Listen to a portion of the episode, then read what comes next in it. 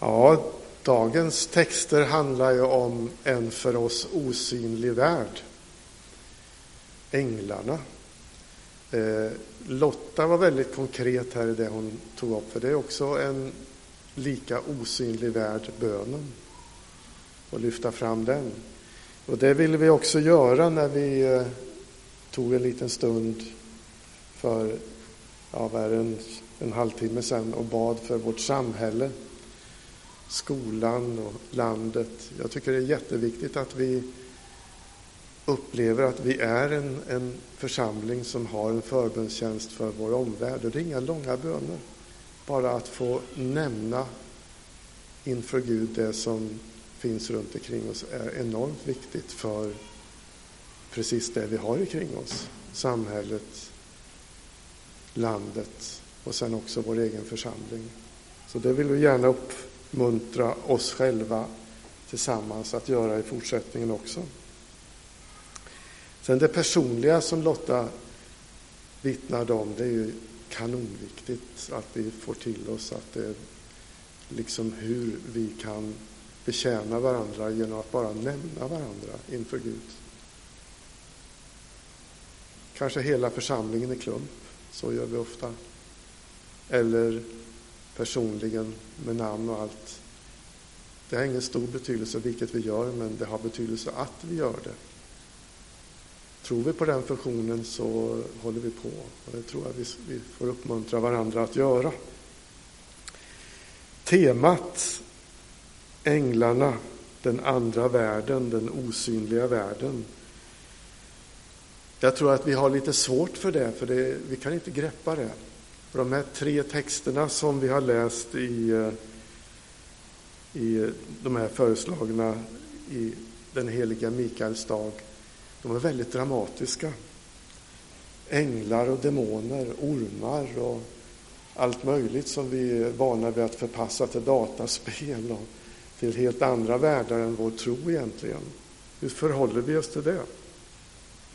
Jag tänkte vi skulle bara helt kort titta på de här tre, tre texterna ihop. Och I den gamla, gammaltestamentliga texten om David, eller Daniel i lejongropen, så möter vi det direkta, konkreta handlandet, alltså den direkta hjälpen som vi kan få. Lotta var också inne på det, hur hon fick hjälp med sina behov. Och det är något vi inte får glömma, att det där kan hända som vänder situationen på en enda gång. Eller sakta, kanske ibland över flera år. Men att vi får tro det, att det finns en hjälp som faktiskt betyder något, som inte du och jag ser. Och Det är någonting som är väldigt udda i denna värld, där vi vill kvalitetssäkra och räkna på allt och definiera allt. Det är något helt annat. Det gör oss faktiskt unika att få tänka så. Den andra delen som är hämtat ifrån Uppenbarelseboken, det är ju kanske inte så synligt. Ingen Daniel som plötsligt upplever att lejonen inte är hungriga utan något som vi inte alls är medvetna om egentligen, det som försiggår långt över våra huvuden och bortom vår föreställningsvärld. Och det är där den här oerhörda dramatiken kommer till oss också. Men det vi ska fastna på i det här som är i mångt och mycket skrämmande, eller fastna för, det är det här som står med de här orden att åklagaren, anklagarens tid är förbi. Det är det viktiga som texten vill lyfta fram. Att vi har ingen som egentligen inför Gud kan anklaga oss. Utan det som är vunnet, det är vår frihet att stå inför Gud. Precis som vi är, att vara accepterade utifrån dem vi faktiskt är, med våra brister och tillkortakommanden. Det är ingen som kan ta ifrån oss, säger den här texten, utan det är som det är. Vad ska du göra för att få del av det här? Ingenting, har du. Utan det är färdigt, det är gjort. Jesu försoning gäller för dig och mig. Korset gäller. Det är textens andemening. Det lyfter oss ur hopplöshet och förtvivlan till hopp och till tillförsikt för framtiden. Anklagarens tid är förbi. Sen tar texten upp hur det ser ut på jorden.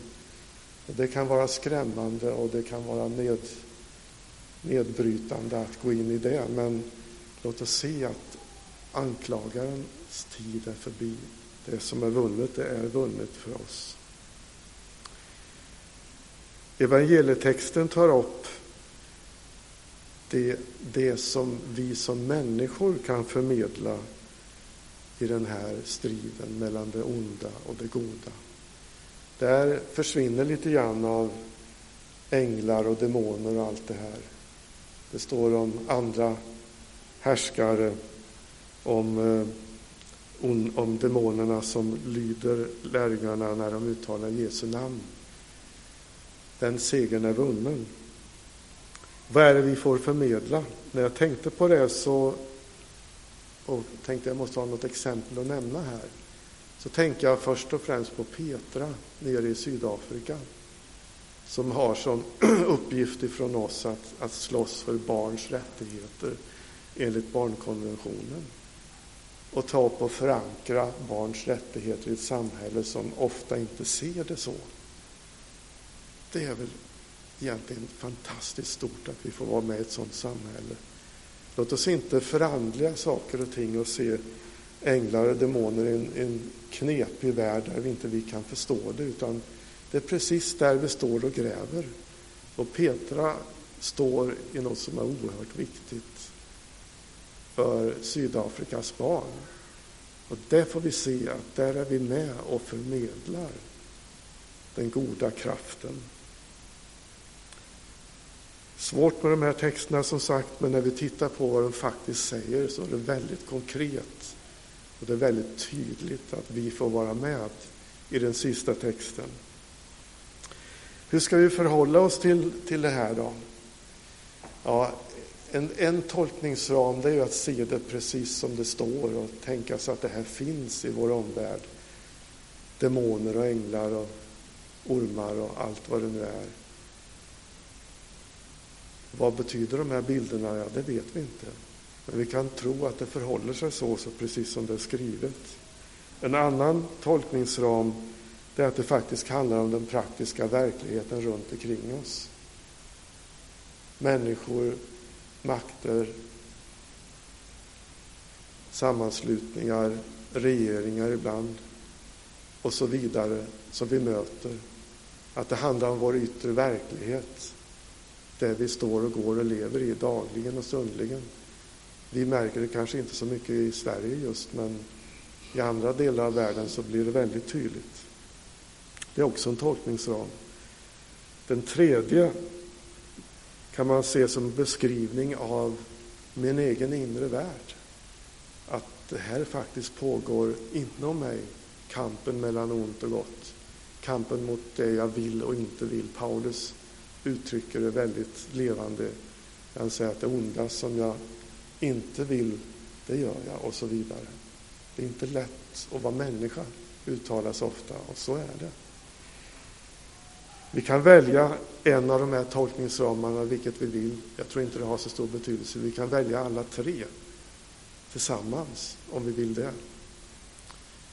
Men det som texterna egentligen vill lyfta fram är vårt medvetande och precis som Karin var inne på, vår, vår valmöjlighet att få välja att stå med Gud tillsammans i en församling, att slåss för det goda och veta att det faktiskt är det som vinner. Det är där kraften finns. Det är där framtiden finns. I det goda valet. I valet att, att gå tillsammans med vår Gud.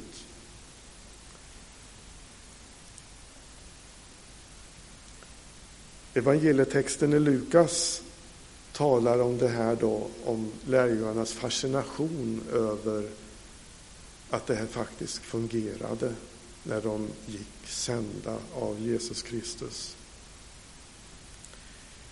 Jesu reaktion på det är väldigt nyttig att ta till sig. Ibland tänker jag så här, vad, ska jag, vad är viktigt för mig att veta om vad, varför jag tror på Gud? Vad, vad, vad har jag för nytta av Gud? Och det absolut viktigaste jag kan säga till mig själv det är att jag har absolut ingen nytta av Gud någonsin egentligen. Det där måste förklaras lite grann. För allt det där kan tas ifrån mig, hälsa, krafter, välgång och allt det här jag har. Det är ju förgängligt. Det är inget som jag har garanti för egentligen. Det försvinner till sist kanske. Vem vet? Men en sak består och det är Gud själv. Det är det fasta. Det vi får lära oss i de här orden. Gläd er över att era namn är upptecknade i himlen. Det är en väg till att alltid kunna få leva med Gud under alla livets omständigheter. Det beror inte på att demonerna är oss lydiga, att vi har gått ut och sett att det funkar precis som vi ville. Men det finns bara en sak och det är Guds händer som han har sträckt ut och lagt oss i som människor, att vi får vara där i Guds händer. Allting kan hända, men där kan ingenting nå oss. Där kan ingenting ta något ifrån oss. Utan där är vi alltid säkra. Det är det Jesus säger egentligen här när vi ska glädja oss över att våra namn är skrivna i Guds himmel. Ibland som vi säger i Guds händer. Allt det där andra sen, att vi får be för varandra och uppleva Guds ingripande, ja, det vill jag också. Det är inte det jag menar, men det får inte vara det som är det avgörande. Utan i den här kampen så är det bara en sak som är avgörande och det är Gud själv och vad han har gjort för mig som människa.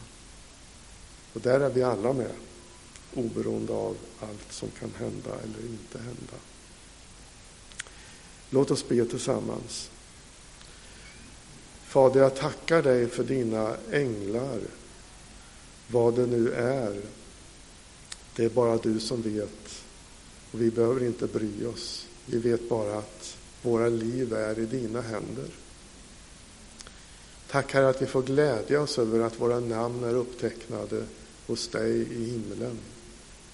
Att vi är säkra som människor där, att vi får tillit till livet, till varandra, ibland till och med till oss själva. Herre, hjälp oss att vara ljus i världen. Hjälp oss att göra som de här lärjungarna, gå ut och bli fascinerade över att du är med och du öppnar dörrar och stänger dörrar. Herre, hjälp oss också inse att det är inte det vi bygger på, utan det är du själv vi bygger på och vad du har gjort. Amen.